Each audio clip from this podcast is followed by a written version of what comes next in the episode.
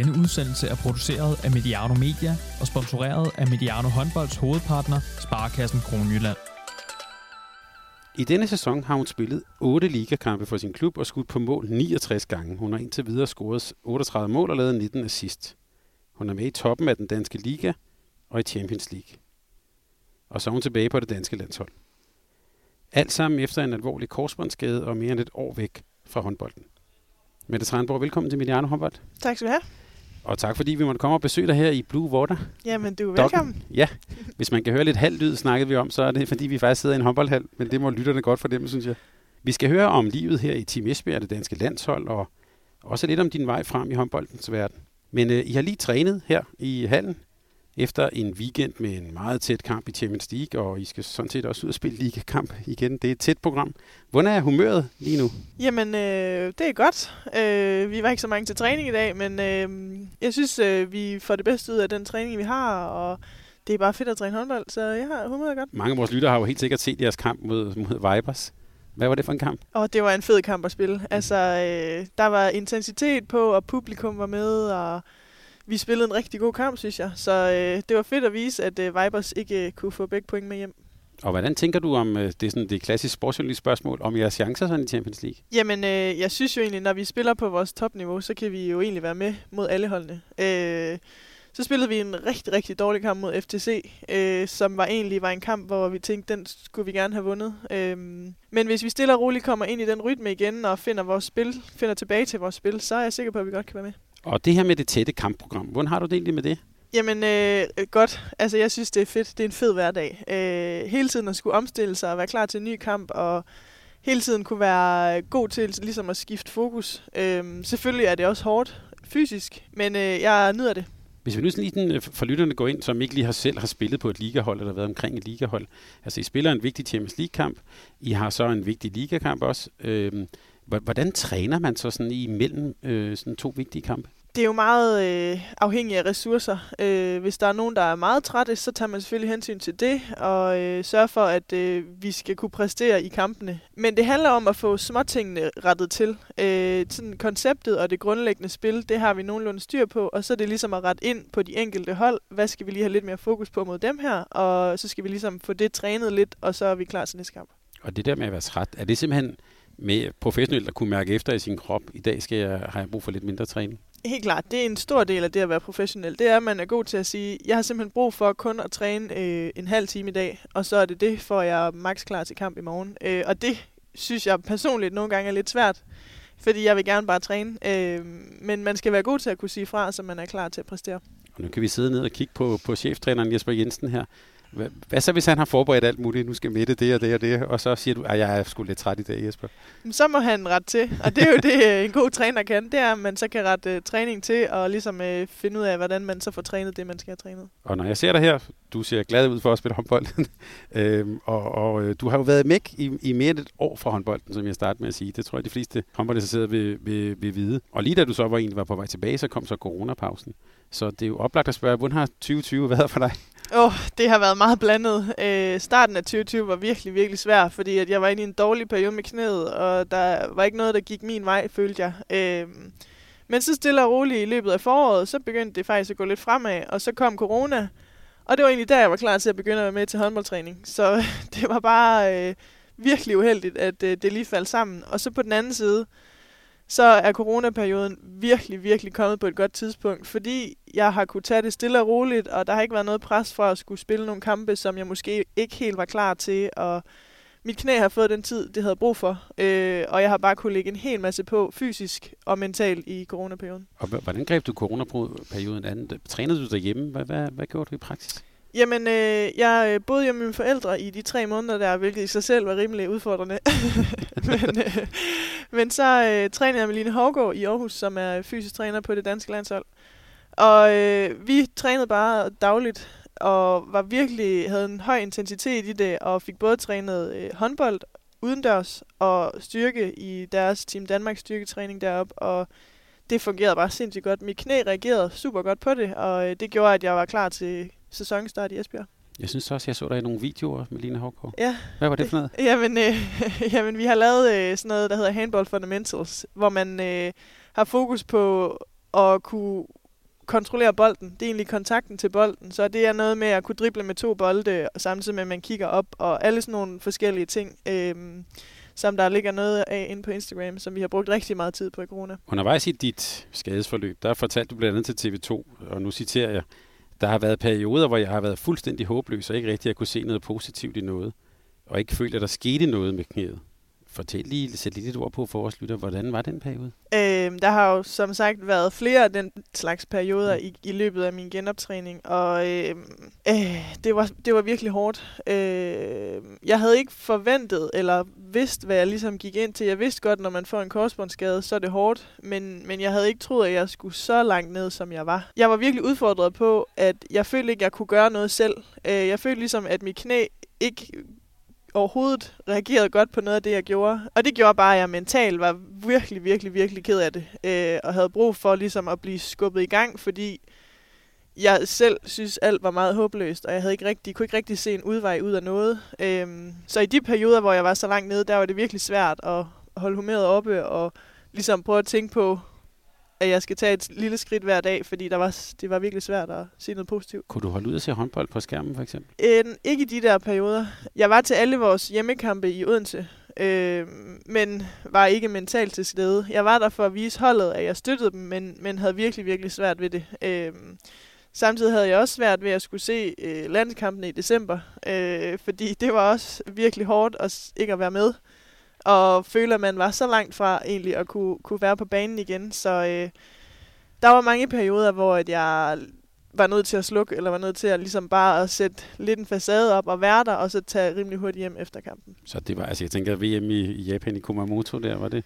Så du noget af det? Øh, jamen, jeg så, jeg så de fleste af kampene, fordi at jeg ville jo også gerne, jeg ville jo pigerne det allerbedste. Øh, men det var hårdt. Det var svært. Det var svært at se de kampe. Hvis vi skal være lidt spydige, det var det også. ja. men, men, nok ikke helt på, helt på andre måde. Og jeg tænker, også, jeg tænker også, når man sidder og ser det der, det var jo, øh, det har vi talt om mange gange på Mediano håndbold, meget tætte kampe, meget intense kampe. Jeg gætter også på, at de har simpelthen jo øh, hvad han næsten har sagt, det må have, have gjort ondt i din venstre arm for at komme ind og skyde lidt. Helt vildt. Der er så mange gange, hvor jeg har tænkt, åh, hvis jeg bare kunne få lov til at komme ind og hjælpe lidt. Nu er det her med skader, det er jo øh, desværre, kan man sige, en næsten sådan normal del af, af håndboldsporten, der er garanteret, nu kigger vi på nogle af dine holdkammerater her, flere, der har været igennem noget, der ligner det. Mm. Øhm, hvad tænkte du egentlig, da det blev konstateret? Hvad var sådan din første tanke? Jamen lige indtil det blev konstateret, der var jo lige et par dage, hvor der, det var lidt usikkert, indtil jeg fik svar på scanningen. Der gik jeg og håbede og prøvede at overbevise mig selv om, det er ikke korsbånd.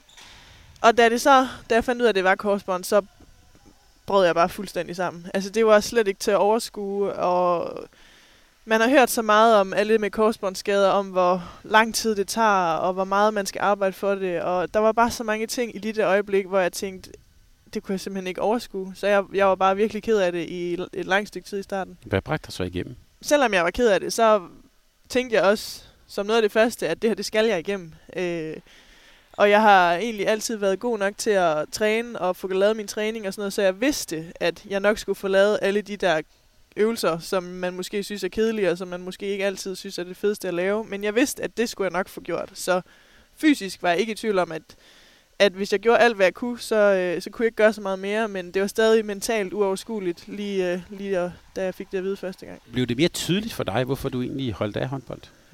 Ja, øh, i hvert fald i løbet af skadesperioden. Øh, når det ikke, da det ikke lige bare øh, flød, øh, som et normalt skadesforløb gjorde. Øh, at der var så mange, mange bump på vejen, det gjorde, at jeg fik byg, opbygget sådan en sindssyg sult fra, for håndbold. Og det havde jeg nok gjort alligevel, men fordi at forløbet blev så langstrakt, så, øh, så blev det ekstra, ekstra meget sult for at spille håndbold. Så det, det var helt sikkert noget, øh, jeg ikke, en sult, jeg ikke havde prøvet at mærke før. Så fortæl mig lige, hvordan det var første gang, du var på et halvt gulv og puttede lidt harpex på fingrene. Det var, altså, det var helt vildt. Det var øh, den første træning i Odense, det nåede lige inden lockdown. Øh, der fik jeg lov til at stå 10 minutter i forsvar, og jeg følte mig så langsom og så tung, og så altså, kunne fl- slet ikke flytte fødderne.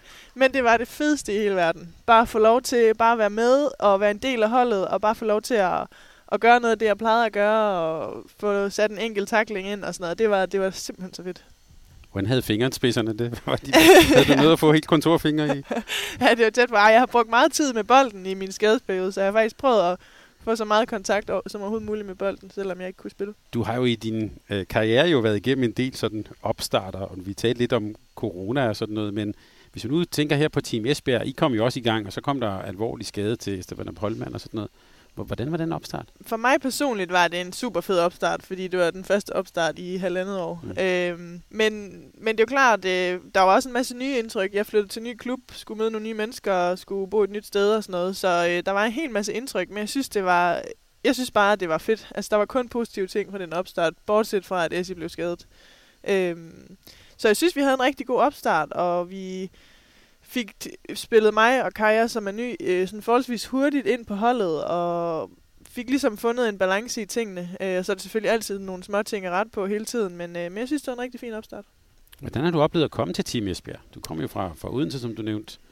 Øh, hvordan har det været at komme ind her? Det har været utrolig nemt. Øh, altså, det har været virkelig nemt at komme ind på holdet. Pigerne er super gode til at tage imod, og øh, jeg har følt mig tryg og hjemme nærmest fra første dag. Øh, håndboldmæssigt synes jeg egentlig også, taget betragtning af, at det er lang tid siden, jeg spillede håndbold, at, at det har været forholdsvis nemt i starten at falde ind i spillet. Øhm, selvfølgelig er der altid nogle små ting, og jeg har lige været inde i lidt i en periode, hvor jeg ikke helt kunne kunne få tingene til at fungere, men jeg synes egentlig i opstarten, at, at det føltes bare rigtig godt. Alt føltes bare rigtig godt i starten, og det var nok også fordi, at jeg bare synes, det var så fedt at spille håndbold igen.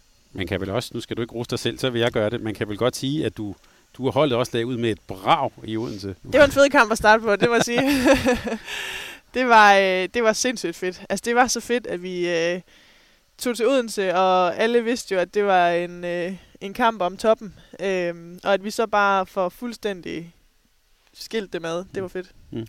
Og, og, og også dig selv nu nu så vil jeg gerne rose dig. Det var jo, altså jeg tror, der var mange, der tænkte, hold da op. Øh, altså du har været væk så længe. Mm. Vi har ikke set dig spille håndbold rigtig længe, og så kommer du ind og fyrer sådan en kamp af. Ja, det var, det var fedt. Det var, jeg tror, der var en hel masse energi, der har bygget sig op i min krop til den kamp, fordi det var så lang tid siden, jeg har spillet om point. Øhm, så jeg tror bare, ind i, min, ind i mit hoved og ind i min krop, der handlede det bare om at fyre den fuldstændig af, og det lykkedes rimelig godt. I jo, øh, når man kommer ind i hallen her, så kunne jeg jo ikke lade være at bemærke, der er jo vi har jo talt forskellige sprog, der er en del nordmænd og sådan noget. Hvad er det egentlig for en trup? Jamen, øh, som sagt, rigtig mange nordmænd faktisk. det er næsten halvdelen af holdet, der er nordmænd. Men det er en sindssygt god trup at være i. Øh, folk vil vinde her. Øh, og vi, jeg tror, alle er bevidste om, at måden at vinde på, det er, at vi spiller og gør hinanden gode. Øh, og det er der helt vildt meget fokus på i alt, hvad vi laver. Øh, så man kan ikke lægge et halvt pres, fordi der er ikke nogen, der kan bruge til noget, og man kan ikke uh, lave en halv takling, fordi så skal man bakke op, og så bliver man fri ud på fløjen. Altså, så det der med, at vi hele tiden er så bevidste om, at når man går ind i en aktion, så gør man det 100%. Og det gør det nemt for nye også at falde ind i, fordi så ved man, så er det bare at køre 100% på, og så hvis jeg ikke selv kan skyde, så kan jeg spille næste. Så øhm, det er en super øh, god trup at være i, fordi at det er så tydeligt meget af det, øh, der foregår. Og hvad har den gode træner Jesper Jensen med det at gøre? Jamen, han er, jo, han er jo sindssygt god til netop hele tiden at sætte fokus på det. Og det er jo ham, der har ligesom sat grundlaget for, at det er sådan her, vores koncept er, det er sådan her, vi vil spille.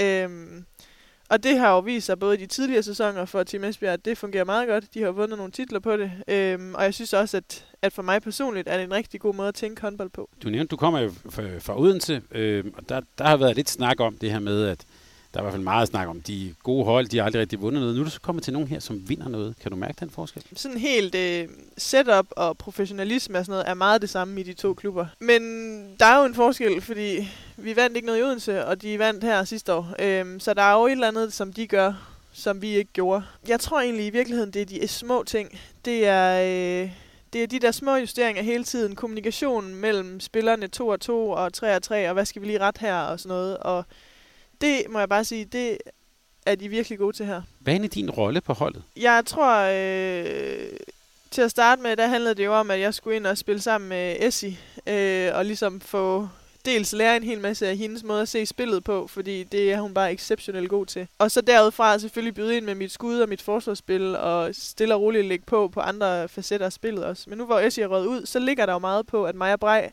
vi skal have nogle spillere frem. Enten så skal vi skyde selv, eller så skal vi have trukket nogle spillere til os, og så skal vi have Nette og Sonja og de hurtige spillere til at ligge og køre mand mand og, og ligesom komme forbi på den måde. Så på den måde så, så ligesom øh, rimelig tydeligt, at det er mig og Brej, der ligesom skal få trukket nogen frem. Det er vores roller. Ser du dig egentlig som en sådan klassisk skytte? Er det, er det sådan, øh, du ser dig selv? Øh, nej, og det har jeg faktisk øh, nogle gange kæmpet lidt med, fordi jeg tror, øh, jeg ser mig selv mindre som skytte, end jeg egentlig er. altså, øh, øh, jeg tror, at langt de fleste vil sige, at du skal bare holde afstand, og så skyde ud fra 10 meter. Og det synes jeg også er sjovt, men jeg synes også, at alle mulige andre ting er sjove. Køre på ydersiden, lave et indspil til øh, stregen, øh, komme ind og køre lidt på mand-mand og sådan noget. Det synes jeg også er sjovt. Øh, så jeg har faktisk kæmpet lidt med nogle gange det der med at finde min afstand, fordi jeg, mit skud bliver bare bedst, når jeg ikke får kontakt. Så, så jeg arbejder lidt på ligesom at finde ud af, hvordan jeg ser mig selv i forhold til, hvad mine kompetencer er, og hvordan jeg er bedst. Er det noget, du har fået at vide hele dit, hele dit liv?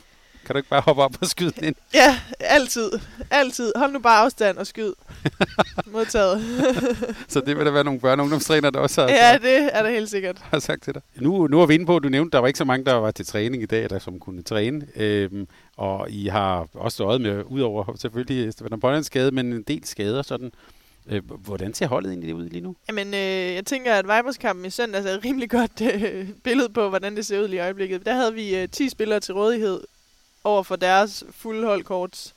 Øhm, vi er lidt øh, presset på ressourcer i øjeblikket, fordi at der er nogle små ting for nogen, og, og i forvejen er vi jo ikke særlig mange spillere her. Så øhm, altså, men indtil videre, så er det ikke noget problem. Jeg tænker på, på lang sigt igennem en hel sæson, så kunne vi måske godt blive lidt presset på ressourcer. Men, øh, men øh, vi spiller med dem, vi har, og får det allerbedste ud af det. Hvordan ser du og, og Team Esbjerg så på ligaen, inden skaderne kom og sådan noget? Der var det jo mange, der, der havde jer som klare favoritter. Er det blevet mere udjævnet nu? Det tror jeg, folk vil mene, og det er det måske også. Øh, men jeg er stadig ikke i tvivl om, at vi går efter at vinde. Mm. Øh, også selvom vi kun er 10 spillere. Fordi vi har rigeligt med kvalitet på det her hold til at kunne vinde, selvom vi er kun er 10. Og øh, jeg ved godt, det bliver en større udfordring, og det kræver mere af den enkelte, måske fysisk og mentalt, at kunne sætte sig op til at skulle, skulle spille, selvom man er enormt træt. Men jeg er stadig sikker på, at vi godt kan, kan være med. Nogle eksperter vil jo sige, der var der udkrystalliseret sig måske tre-fire hold i toppen. Så er der en midtergruppe og, og, og, en, og en gruppe, der skal kæmpe om ikke at ryge ud. Ser du også sådan på det?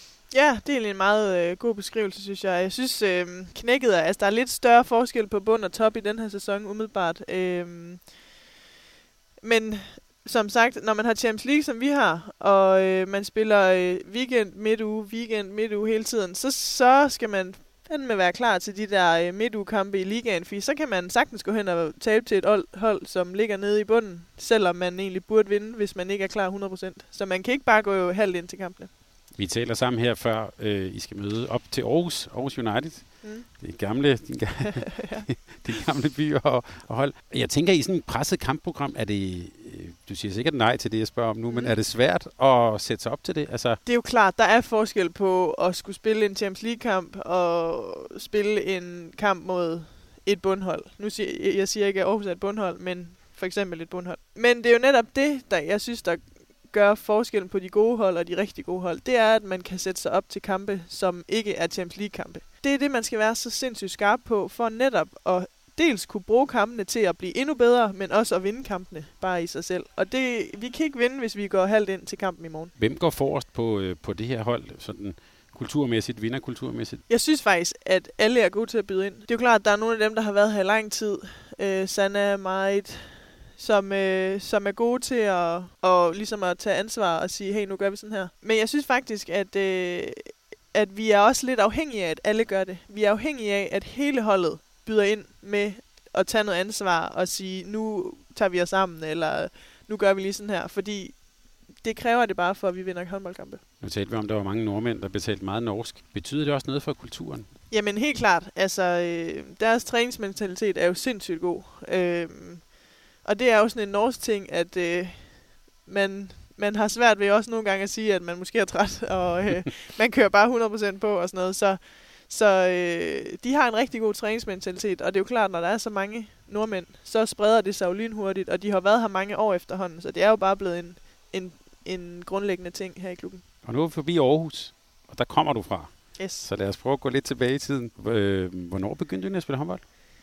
Jeg var øh, 8, spillede, startede med at stå på mål i VI som 8-årig. Mm. og så øh, gik der ikke så lang tid, så fandt jeg ud af, at jeg venstrehåndet. Så kom jeg ud på højre fløj. og så gik der ikke så lang tid, så fandt jeg ud af, okay, hun er rimelig høj også, og har en okay skudarm, så vi sætter han lige ind på bakken. Så det er derfor, jeg er inde på højre bak. Hvor kom det med Du kommer ikke fra en håndboldfamilie, ved jeg. Hvor, hvor, hvor, hvor kommer det fra med håndbold? Jamen, øh, det kommer egentlig af, at mine forældre altid har sagt, at I skal gå til et eller andet. I skal have en eller anden øh, fritidsaktivitet, om det er øh, spider, eller håndbold, eller øh, frimærker, eller et eller andet. Så skal vi lave noget i vores fritid. Øh, og så var der nogle af mine veninder fra klassen, der gik til håndbold, og så tænkte jeg, at det prøver vi. Og det var egentlig meget sjovt. Og nu siger du VAI. Jeg ved, du har en, en træner, der er fra Hjort EO. Altså, kan, det overhovedet, kan I overhovedet tale sammen? Nej, det er svært. Det er øh, så snart, at øh, jeg nævner noget omkring VAI, så kan jeg bare se på Jesper, at han er ved at gå fuldstændig amok indvendigt. Så øh, han har svært ved at kapere at have en VAI på holdet, tror jeg. Men hvad var det der VAI for et sted? Altså, vi kan sige det for dem, der ikke er, er lokalt kendt. Vejleby Rigskov, øh, lidt nord for Aarhus. Hvad, hvad var det for et sted? Det var et rigtig godt sted. Altså, øh, i starten der handlede det bare om, at det skulle være sjovt. Øh, og det synes jeg, det var. Øh, så jeg, jeg, havde, jeg nød bare at spille med mine venner, og så øh, tænkte egentlig ikke så meget over, hvad det var, vi lavede, men at vi spillede håndbold, det var så lige det, der var ind på. Jeg kan jo se her, at du er jo født den 1. januar. Yes. Vi skal ikke tale om, hvordan det er at holde fødselsdag. Men, og du kaster med venstre hånd, og du har også været inde på det, du er højere end de fleste. Yes. Hvad gjorde det ved din sådan børne- og ungdomstid? Jamen egentlig det første stykke tid, der tænkte jeg ikke over det. Øh, men øh, da jeg så begyndte at være et hoved højere end alle andre, og synes, at øh, jeg skilte mig lidt ud på den måde, det synes jeg egentlig ikke var så fedt. Mm. Øh, og på det tidspunkt, der havde jeg endnu ikke ligesom fundet ud af, hvor stor en fordel det var i håndbold. Øh, så, så jeg brugte noget tid i mine teenageår og i min, i min øh, barndom på ligesom at være lidt træt af at være lidt større og lidt højere end alle de andre. Øh, men så da jeg fandt ud af, at det faktisk var en kæmpe fordel i håndbold, så blev jeg sådan, men så prøver vi at udnytte det bedst muligt. Øh, så jeg egentlig rimelig hurtigt øh, var det ikke noget, jeg sådan koncentrerede mig særlig meget om. Du, du krydser jo af på mange blog, ikke? Du ja. er født tidligt. Præcis. Meget tidligt. ja. Men har det, altså, har det været en... Altså, ser du det også som en fordel? Du har altid spillet med nogen, der var mindre end dig selv. Ja, og det har jeg så i virkeligheden ikke, fordi jeg, øh, jeg startede i skole et år før. Så det vil sige, de veninder, jeg spillede håndbold med, de spillede på årgangen mm. over mig. Så jeg har egentlig fra dag et af spillet med dem, der var ældre end mig. Men det ser jeg til gengæld som en stor fordel, fordi så er jeg fra fra dag et blevet presset til netop at ikke bare kunne stå og så skyde hen over dem alligevel, men at skulle bruge noget af min fysik. Øhm, så, så jeg har egentlig, øhm, ja, jeg har krydset mange af de der af, som man siger, der er vejen mm. til at få succes, men, øh, men jeg synes også, at, øh, at det har givet mig meget at, at spille med nogen, der er større og ældre end mig. Ja, du er fra, nu skal vi ikke afsløre en kvindes alder, men det kan man slå op. Du er fra 96. Yes, det er øhm, så, Men du, det vil sige, du har egentlig aldrig rigtig spillet med årgang 96? Jamen, jeg har jo sådan, hver andet år har jeg jo spillet med årgang 96, mm. fordi at det har, de jo, sæsonerne har været, som de har været. Øhm, men rimelig hurtigt blev jeg rykket op. Og til at starte med på lands, ungdomslandshold, der startede jeg med årgang 96. Øh, men inden vi begyndte at spille landskampe, så blev jeg rykket op på årgang over, fordi at der manglede nogle venstre hænder deroppe. Så du var ikke med som Organ 96, som vandt VM-guld Nej. i Moskva? Er det, er, er det noget, der ærger dig? Nej, fordi det skete egentlig så tidligt, at jeg blev rykket op. Øh, så jeg har jo egentlig været med til tre ud af de fire ungdomsmesterskaber, øh, som 94-95 årgang har været til. Øh, så jeg har egentlig bare altid set mig som en del af deres hold, og ikke så meget som en del af holdet, som jeg egentlig hørte til aldersmæssigt. Men jeg tænker også på lidt på det sociale, ikke nødvendigvis på et ungdomslandshold, men i, i hverdagen, altså du har jo været så en af de yngste i klassen, mm. øhm, og, og du har måske også i nogle gange har du så spillet sammen med nogen, der var væsentligt ældre end dig. Ja. Hvordan taklede du det socialt? For at være helt ærlig, så tænkte jeg faktisk overhovedet ikke over det. Det var ikke noget, der fyldte for mig. Jeg tænkte bare, at det var mine veninder, og jeg tænkte ikke over, hvor gammel jeg var, eller hvor gamle de var. Jeg havde det bare øh, sjovt med dem, og øh, tænkte egentlig ikke så meget over alder. Så der var ikke noget med, at der var nogen, der skulle pludselig i gang med at kigge på drengen, eller altså, hvor, hvor, hvor du slet ikke var der i din alder? Nej, jeg, og jeg tror også, jeg, jeg har altid været rimelig moden af min alder. Øh, fordi jeg jo, som sagt, fra jeg startede i skole, altid har været sammen med dem, der har været ældre end mig. Så det har egentlig været meget naturligt at følge med dem. Og det der med, at du hele tiden blev hævet op. Da jeg forberedte mig her, så var jeg inde og tjekke på, hvor, hvornår du fik et øh, debut på det danske landshold og sådan noget. Og jeg må indrømme, jeg blev faktisk en lille smule ikke chokeret, men jeg havde helt glemt, hvor ung du egentlig var. Ja. Du var kun 18. Ja. Og du kom jo ind, og det var ikke bare sådan, at du bare sad og, og var med til opvarmningen. Nej. Ej, det var en fin debut. Øh, og rimelig vigtig kamp at vinde også, kan jeg huske. Så øh, det, var sådan, øh, det var en rigtig god oplevelse, ja. Men jeg, jeg tænker på, øh, altså når man så også finder artikler frem for dig om for den periode, Der, der står altså sådan nogle ord, det kan godt være, du helt flov over at se det, der, men der står altså sådan nogle ord som Danmarks nye supertalent. Mm. Hvordan var det at læse sådan noget? Jamen, det er selvfølgelig en kæmpe anerkendelse. Jeg forstod det ikke helt. Øh, jeg har egentlig i hele min ungdomsperiode, og også øh, da jeg blev seniorspiller, øh, ikke set mig selv som... Jo, jeg har set mig selv som et talent, men det er ikke noget, der har fyldt for mig. Øh, og jeg har altid haft den tilgang til det, at jeg vil se det forløst, før jeg tror på det. En Mm. ting er at være et talent, det, der, det kan man udråbe mange til, men hvis man ikke ligesom får det forløst og får noget ud af det, så, så kan man ikke bruge det til så meget alligevel. Så det der med at være udråbt til talent, det har jeg altid tænkt sådan, ja, det, har jeg, det, sgu, det betyder ikke så meget, før at jeg viser, at jeg rent faktisk kan blive rigtig god. Men hvornår fandt du ud af selv, at du var god? Det var faktisk i VI, der havde Erik Veje som træner, øh, som sagde, du kan blive god. Så blev jeg sådan... Jeg havde ikke selv rigtig opfattet det på det tidspunkt. Jeg løb jo bare rundt og havde det sjovt. Øh, men han var egentlig rimelig god til ligesom at få mig til at forstå, at øh, det kunne godt blive til noget. Og det var også der, at jeg begyndte ligesom at gøre det ekstra seriøst, og begyndte at have fokus på fysisk træning og sådan noget. Så øh, det var i min øh, VI-tid med Erik Veje. Så det gjorde noget godt for dig faktisk, at, at, at, at få den besked. Ja, det synes jeg. Øhm, fordi så øh, jeg gik all in i alting. Løbetræning, øh, styrketræning og sådan nogle ting, for ligesom at optimere mest muligt. Og nu nævnte du, at du havde boet hjemme hos dine forældre i coronatid. Ja. Hvor- Hvordan tog de hele den der sådan virak, der var om dig, da du egentlig bare kun var 18 år? De var for det første sindssygt stolte. Øhm, men jeg tror også, de var lidt, øh, de var ikke vant til det. De vidste ikke øh, helt, øh, hvad, hvad det skulle blive til, og de har jo ikke som sådan håndboldhoveder. Øh, så de kunne godt se, at jeg kunne et eller andet, som de andre måske ikke kunne, men jeg tror ikke helt, de helt i starten vidste heller, hvad det kunne blive til. Øhm, så øh, de har bare altid støttet mig og kørt mig hele Danmark rundt for at spille håndboldkampe og været ude og støtte og sådan noget. Så, så de har altid været der. Så meget støttende, men de, de er selv ikke kommet med alle mulige gode håndboldråd. Det har måske været meget rart. Ja, altså, min far han kan godt en gang imellem føle sig lidt klog. men, øh, Det er vi mange, der kan. ja, præcis. Men, øh, men min mor, hun synes altid, at dommerne er uretfærdige over for mig, og modspillerne er uretfærdige over for mig, og hun holder altid med mig. Min far han kan godt være lidt mere, du skulle måske lige have skudt i den anden side, eller et eller andet. Tak for Ja, ja. Lige tilbage til din debut. Kun 18 år. yes. Øh, jeg hører, at du godt kan huske den kamp. Ja. Fortæl lidt om. Jamen, det var jo helt sindssygt. Jeg kan, jeg kan huske, at Jan han ringede til mig en eller anden øh, tirsdag aften eller et eller andet og sagde, kan du komme med til Ukraine i næste uge? Hvor jeg sådan tænkte, øh, ja selvfølgelig, men var sådan helt chokeret over, at han overhovedet tænkte over, at det var mig, der skulle med, og jeg havde på ingen måde forventet det.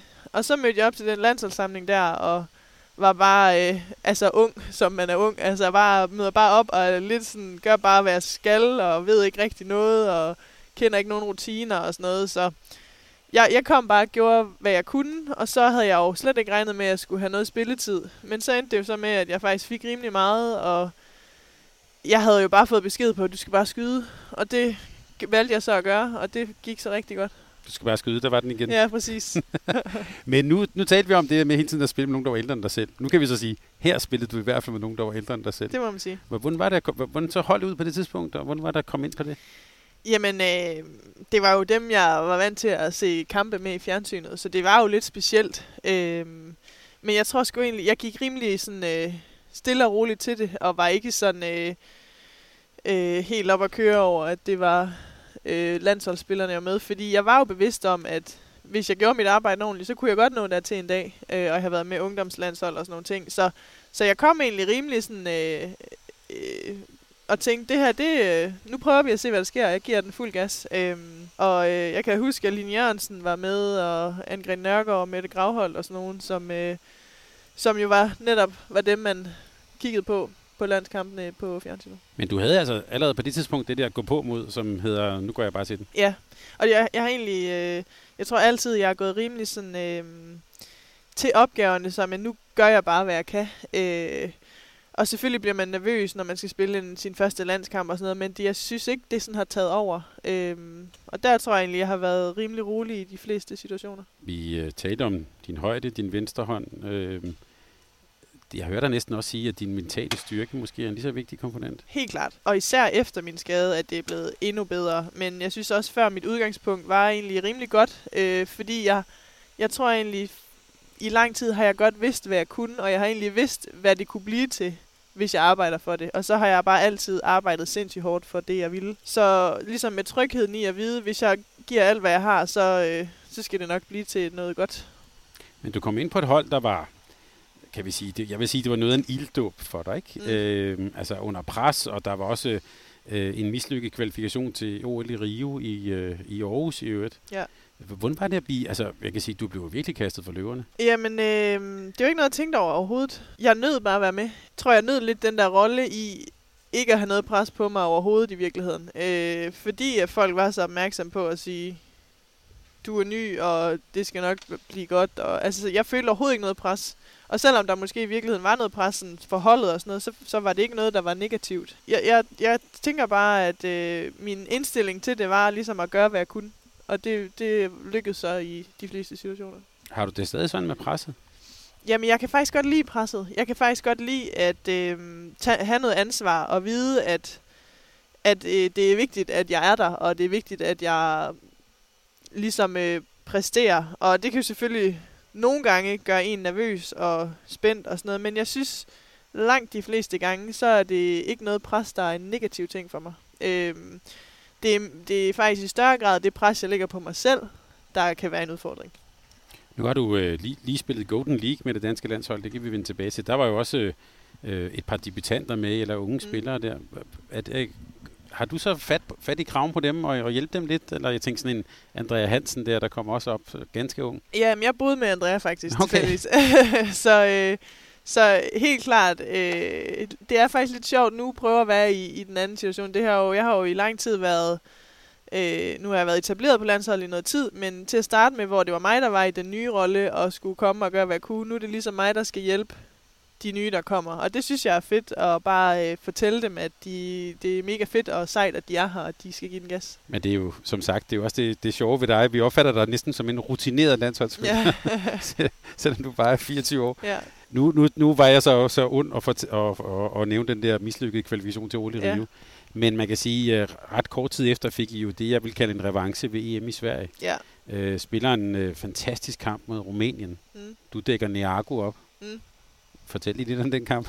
Ja, men det var en fed kamp. Altså, men generelt, hele øh, den slutrunde i 2016, det var den vildeste oplevelse overhovedet. Det er helt klart min bedste landsholdsoplevelse, det er den slutrunde. Øhm, fordi vi bare, vi var så meget i flow, og øh, vi lagde bare på i hver kamp, og vi justerede småting til, men var ellers klar på, øh, hvad vores opgaver var og sådan noget. Og så lige den kamp der mod Niago.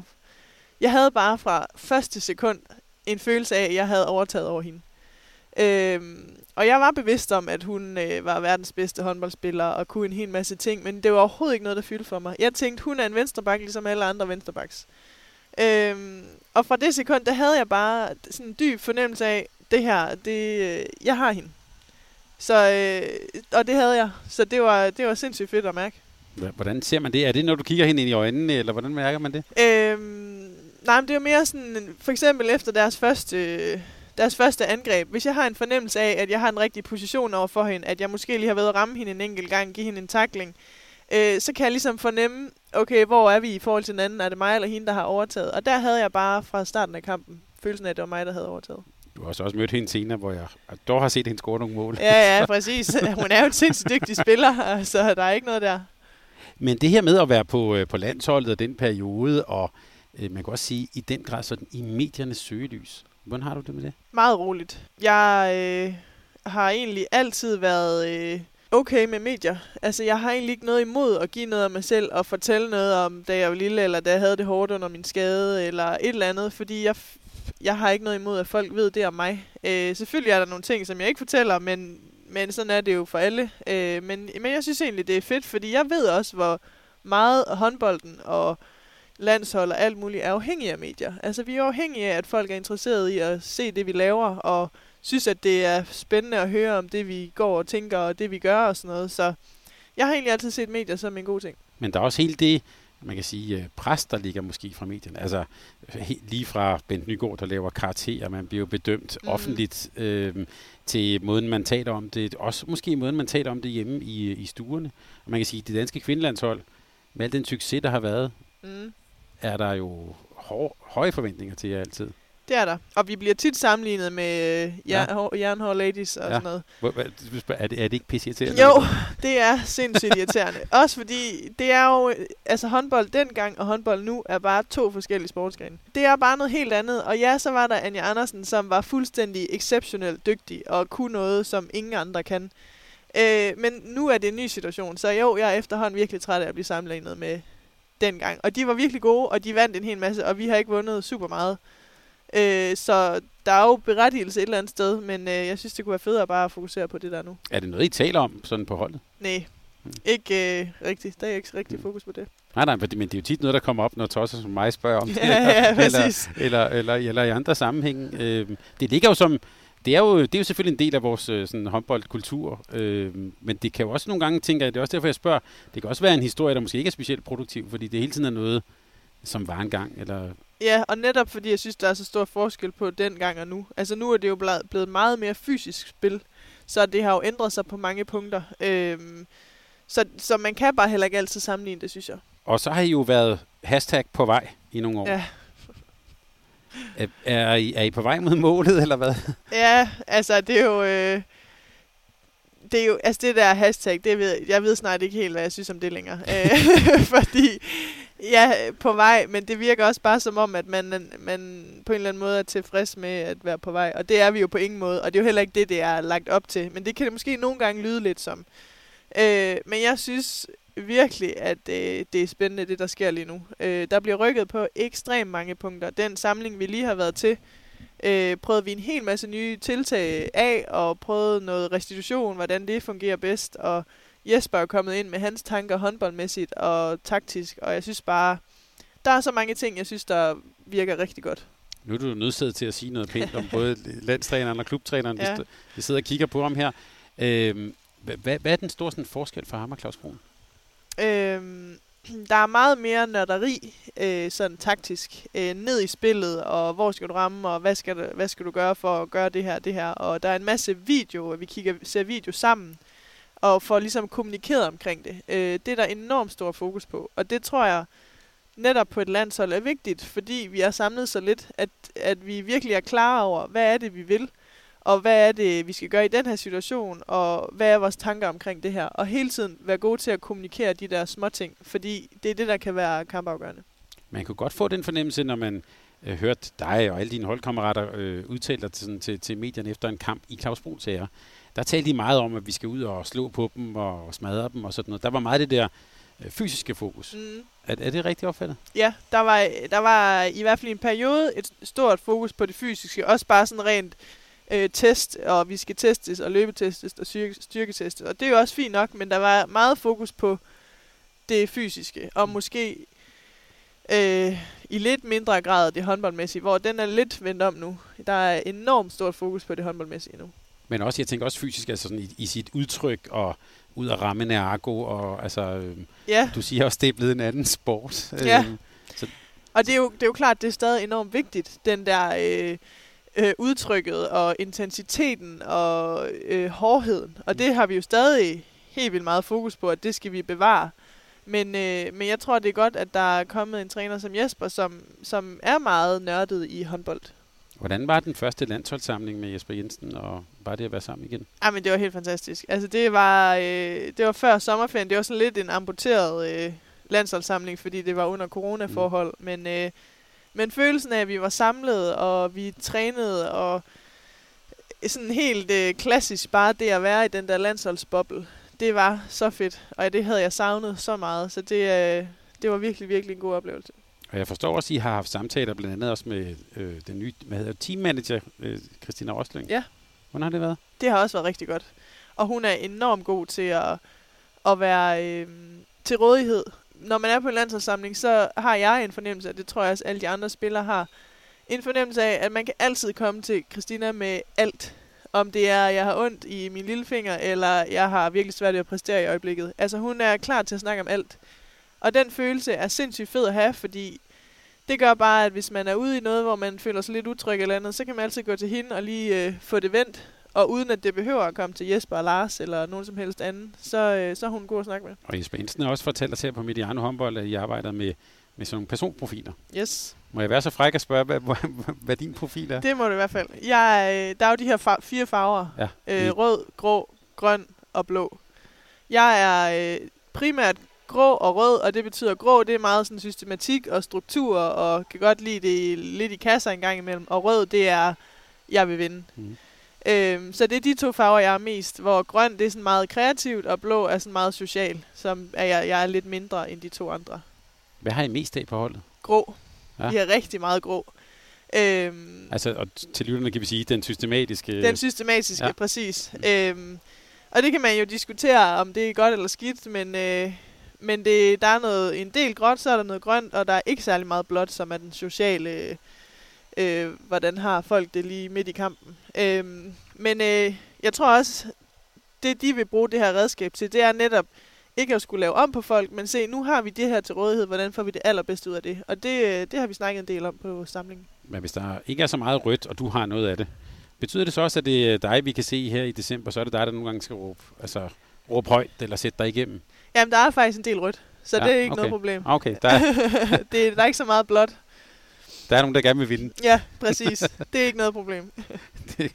Og, og, og øh, nu taler vi om det her hjemme på hjemmebane. Det er jo faktisk snart. Det er lige om lidt. Øh, og vi har på Mediano håndbold lavet lidt grin med, at forventningerne er høje, fordi øh, øh, coronadepression og mørke og sådan, I skal jo redde hele nationen. Ved du hvad? Det tager vi på vores skuldre. Så du kan glemme alt om de jernhårde ladies. Det er faktisk mere end det, I, er- I, er-. I er ude i. Det er fedt nok. Øhm, men hvis vi lige tager håndboldbrillerne på, altså øhm, EM på hjemmebane, særligt coronatider, og også en hård øh, lodtrækning. Ja. hvor- Hvordan, øh, hvordan går I ind til det? Jamen, øh, der er jo en hel masse nye ting nu. Øhm, og vi har egentlig i virkeligheden ikke snakket så meget om den slutrunde, fordi der har allermest været fokus på at finde hinanden med nye træner og konstellation, og hvordan skal tingene se ud, og hvordan vil vi gerne spille. Så vi har egentlig haft rigtig meget fokus på bare det at, at finde sammen igen. Øhm, og hvad der så sker til en slutrunde, selvfølgelig går vi ind for at ville vinde hver eneste kamp. Øh, men vi ved jo godt, at vi er i en situation, hvor at, at det kan være svært, når der er så mange nye ting, vi skal have spillet sammen, øh, når der er kommet en ny træner. Men, øh, men jeg håber virkelig på, at vi får forløst det potentiale, vi har, for jeg synes virkelig, virkelig, vi kan spille godt. Hvordan ser du verdenstoppen egentlig? Altså, øh, jeg spørger også, fordi at, altså, er det realistisk? Jeg har også spurgt din træner Jesper Jensen om det at sige, øh, at Danmark skal, skal være mellem de fire bedste. Er I der nu? Øh, jeg ved ikke, om vi er der nu, men jeg er sikker på, at vi er der inden for kort tid. Øh, jeg har en fornemmelse af, at det er nu, vi rykker. Altså, jeg, jeg føler, at øh, ud fra den, de øh, samlinger, jeg har været med indtil videre, og det setup, der ligesom begynder at være omkring landsholdet, og det arbejde, som Claus også har lavet i løbet af de sidste par år, øh, det, det, jeg tror på, at det er nu, vi rykker, og jeg tror på, at vi inden for nogle år er med i toppen. Men hvad vil nok sige, der er jo sådan en, en, en top 4. Norge, ja. Rusland, Frankrig, måske Holland. Hvad skal der til for, at Danmark kommer helt derop? jeg synes, vi har sat rigtig mange ting i gang nu. Øh, vi skal være øh, gode til at rette de små ting til. Fordi når man er samlet, så... Fordi vi er jo bare samlet få dage om året. Og vi er samlet mindre end måske nogle af de andre landshold er. Så det kræver, at vi er sindssygt gode til at kommunikere småtingene. Vi skal have en base, som alle er trygge ved, og så skal vi kunne lave nogle små justeringer undervejs. Og jeg synes jo netop, at vi har spillerpotentialet til at blive virkelig, virkelig gode på landsholdet. Øhm, så det handler om at få det sat rigtig godt sammen. Hvad blev I klogere på under Golden League? Jamen altså, at vi skal være klar det første kvarter mod Norge, kan man ligesom godt, så man ikke kommer bagud. Jeg ved ikke, hvad vi var bagud 7-1. Hvad tænkte du, da du så deres, øh, deres holdopstilling? Jeg tænkte, øh, det er et stærkt norsk hold. øh, men, men jeg blev også i løbet af kampen der, fordi vi spillede faktisk i perioder noget fin håndbold mod Norge også. Øh, og, og der blev jeg igen bekræftet i, at når vi spiller godt sammen på landsholdet, så kan vi godt være med mod de bedste. Øh, selvom Norge har øh, tre sindssygt hurtige bagspillere, så kan vi godt dække op over for det. Og, så jeg, jeg synes bare, øh, der er så gode takter på det landshold efterhånden, at øh, jeg tror på, at det bliver til noget stort. Bare lige en detalje. Hvordan oplevede du Jesper Jensen i, lad os bare sige, det første kvarter mod Norge? Øh, Jeg kan i hvert fald sige, at jeg holdt øje med ham, fordi... Hvad sker der nu? ja, hvad, hvordan reagerer han? Øh, det ved jeg, det, det lagde jeg faktisk ikke særlig meget mærke til. Øh, jeg var rimelig øh, koncentreret omkring på at komme ud af vores 7-1. Ja. Så øh, det lagde jeg faktisk ikke mærke til andet end, at, at han jo forsøger at finde løsninger. Mm. Øh, Og det er jo det, jeg synes, han, han er god til her og på landsholdet, at, at finde de der løsninger, som nogle gange kan være lidt øh, svære at finde selv, når man er bagud 7 Jamen, jeg kunne ikke lade være at tænke. Første landskamp, første 10 minutter. Præcis. Hva, hva, velkommen, Åh, nej, Jesper. ja. Men jeg tænker, øh, det var så Norge, øh, men de spiller så også mod Montenegro, man kan sige måske lidt decimeret øh, Montenegro-hold, mm. Og så mod Frankrig. Ja. Hvad var det for nogle kamp? Jamen, jeg synes, vi spiller rigtig godt mod Montenegro. Øhm, der overmatcher vi dem på intensiteten fra start af, fordi Montenegro plejer jo nogle gange at vinde deres kampe på bare at være fuldstændig vilde og bare øh, råbe og skrige og sådan noget. Øh, men der fra start af, der viser vi ligesom, at øh, det er vi med på, og der er vi faktisk lidt øh, bedre end jer lige i den kamp. Øh, og det gør bare, at vi har styr på dem fra start af. Og så synes jeg faktisk, at vi spiller en rigtig fin kamp mod Frankrig også. Øh, og netop et fransk hold, som jo faktisk er tæt på at være stær- stærkeste opstilling, og ja, vi taber kampen, men, men jeg synes, der er rigtig meget godt spil at tage med videre. Øh, så, så det var egentlig en god oplevelse, øh, lige bortset fra det første kvarter mod Norge. Fordi jeg tænker også Montenegro, Frankrig, det er jo nogen, vi skal møde. Øh, Norge forhåbentlig, kunne vi så sige. Mm. Øh, betyder det noget at have spillet de der kampe mod dem? Det er klart, det er jo rart lige at have mærket øh, modstanderen lidt, øh, når det er trods alt er så lang tid siden, man har spillet en landskamp. Øh, både for mit vedkommende, men også bare for hele holdet, fordi det er jo først, det var jo i marts. Øh, så øh, jeg, synes, øh, jeg synes, det er rart lige at have mærket det, men vi ved jo også, at, at holdene kommer med en helt anden intensitet til en slutrunde, end de gør til sådan nogle træningskampe. Øh, så, så der er jo ingen tvivl om, at øh, de kommer til at være makslere, når de, vi skal møde dem næste gang. Så øh, det er vi også bare. Og med din profil, så får jeg lyst til at spørge, er det sjovt at spille med Montenegro? Ja, det synes jeg. jeg kan godt lide at spille med Montenegro, men det er jo, det er jo, jeg synes i virkeligheden, det er sjovt at spille med alle. Den der variation i det, synes jeg er fed. Mm. Øhm, at vi møder Norge den ene dag, som er små og hurtige, og Montenegro, som er sådan lidt mere vilde og har en tung, nogle tunge skytter og sådan noget. Så det der med at skulle kunne omstille sig, det synes jeg er fedt. Nu, nu er der jo så ikke så lang tid til hjem, så jeg synes lige så godt med det. Vi kan lige så godt begynde at lave lidt forventningsafstemning Ja. ja. med, med de danske håndboldtilskuere her. Ja. Øhm, og nu skal du passe på, hvad, hvad skal vi forvente os? ja, det er et godt spørgsmål. Ej, men øh, Og jeg spørger jo Øhm. før, I overhovedet har aftalt noget på holdet. Så, ja, ja, øh, præcis. Altså, det aller, aller vigtigste for mig, det er, at vi får en fornemmelse af, hvor godt vi kan spille. Øh, og jeg ved godt, vi kommer ikke til at spille på topniveau i 60 minutter i alle kampe. Men vi vil have udfald, fordi vi ikke har fået så meget tid i den her nye øh, måde at spille håndbold på. Øhm, så altså, jeg er ikke i tvivl om, at vores topniveau kommer man til at se, og kommer til at kunne se, at det er rigtig godt. Men så kommer man også til at kunne se, at der måske er nogle dyk en gang imellem. Det skal vi så bare prøve at gøre så, så kort og så småt som muligt. Så du siger ikke noget om øh, slutspil og sådan noget? Nej, for jeg synes, det er sindssygt svært. Det er virkelig svært at sige noget om, hvordan de andre hold kommer. Øh, hvordan de er kommet igennem den her coronaperiode. hvil- Hvilken stand de ligesom står i. Vi kan jo bare tale ud fra, hvad for en, hvor vi er. Og jeg synes, øh, vi har fået et rigtig godt udgangspunkt, trods øh, få samlingsdage, ny træner, alting. Jeg synes, vi har et rigtig godt udgangspunkt, og det er ligesom det at tage udgangspunkt i. Og hvad de andre så kommer med, det må vi jo bare øh, sørge for, at vi slår dem på dagen. Og hvad skal der ske for, øh, øh, udover at du skal ud og spille en masse kampe og Team Esbjerg, men jeg tænker, hvordan ser de kommende måneder ud for dig? Hvis jeg skulle beskrive med et, et ord, så er det bare håndbold. Fordi der er håndbold konstant. øh, og det er, jo, det er jo både øh, Champions League udbanekampe og nogle lange ture, en tur til Rusland og Frankrig og sådan nogle ting. Øh, så det skal egentlig primært bare stå på hele tiden at præstationsoptimere. Så være klar til kampene, og så gøre alt imellem kampene, for at præstere bedst muligt i kampene. Hvordan har du det egentlig efter sådan en, en slutrunde der op til jul? Man er træt. Jeg plejer at være virkelig, virkelig udmattet øh, de første par dage, når jeg kommer hjem. Og det er egentlig ligegyldigt, hvordan det er gået. Jeg var faktisk næsten mere udmattet efter slutrunden i 2016, hvor det gik rigtig godt, end nogle af de andre, hvor det er gået dårligt. Øh, fordi der bare er så sindssygt mange indtryk, og man hele tiden presser både mentalt og kroppen lige til grænsen hele tiden for at være bedst muligt klar. Øh, så man er træt, og det er en del af det, men øh, det tager jeg gerne med for at spille slutrunde. Mette, tak fordi vi måtte komme og besøge dig. Lige før jeg, lige før jeg slipper dig, Ja. så, øh, så, så kan jeg ikke lade være at spørge. Nu, nu nævnte vi, har vi nævnt din alder et par gange, Ja. hvor tidligt du var på. Øh, jeg kunne også sige det på en anden måde. Du har jo lykkeligvis stadigvæk en meget lang karriere foran dig. Yes. Hvad drømmer du om? Oh, jeg drømmer om at vinde medaljer med Danmark. Det er jo sådan det ypperste mål. Øh, Udover det, så vil jeg faktisk i virkeligheden også bare gerne vinde nogle medaljer. Jeg har fået en hel masse sølvmedaljer, jeg har nogle bronzemedaljer. Jeg vil faktisk rigtig gerne snart have en af guld. Øh, så jeg tænker at starte med det her i Esbjerg, det vil være helt perfekt. Øh, og så at der kommer nogle landsholdsmedaljer efterfølgende, det vil også være dejligt. Det vil jeg ønske dig alt muligt held og lykke med. Og så vil jeg bare lige sige, så du ikke er et øjeblik i tvivl, vi kommer også til at hæppe på jer her i december. Sådan. Tak. Glæder os. Tak. Tak fordi du løber med. Selvfølgelig. Tak fordi du lyttede til en podcast af Mediano Håndbold. Hvis du kunne lide udsendelsen, så husk at abonnere på Mediano Håndbold, der hvor du hører podcasts. Så får du den seneste udsendelse serveret direkte til dig. Du må gerne fortælle dine venner om os, og husk at følge os på Facebook, Twitter og Instagram. Mediano Håndbold kan lade sig gøre, takket være Sparkassen Kronjylland.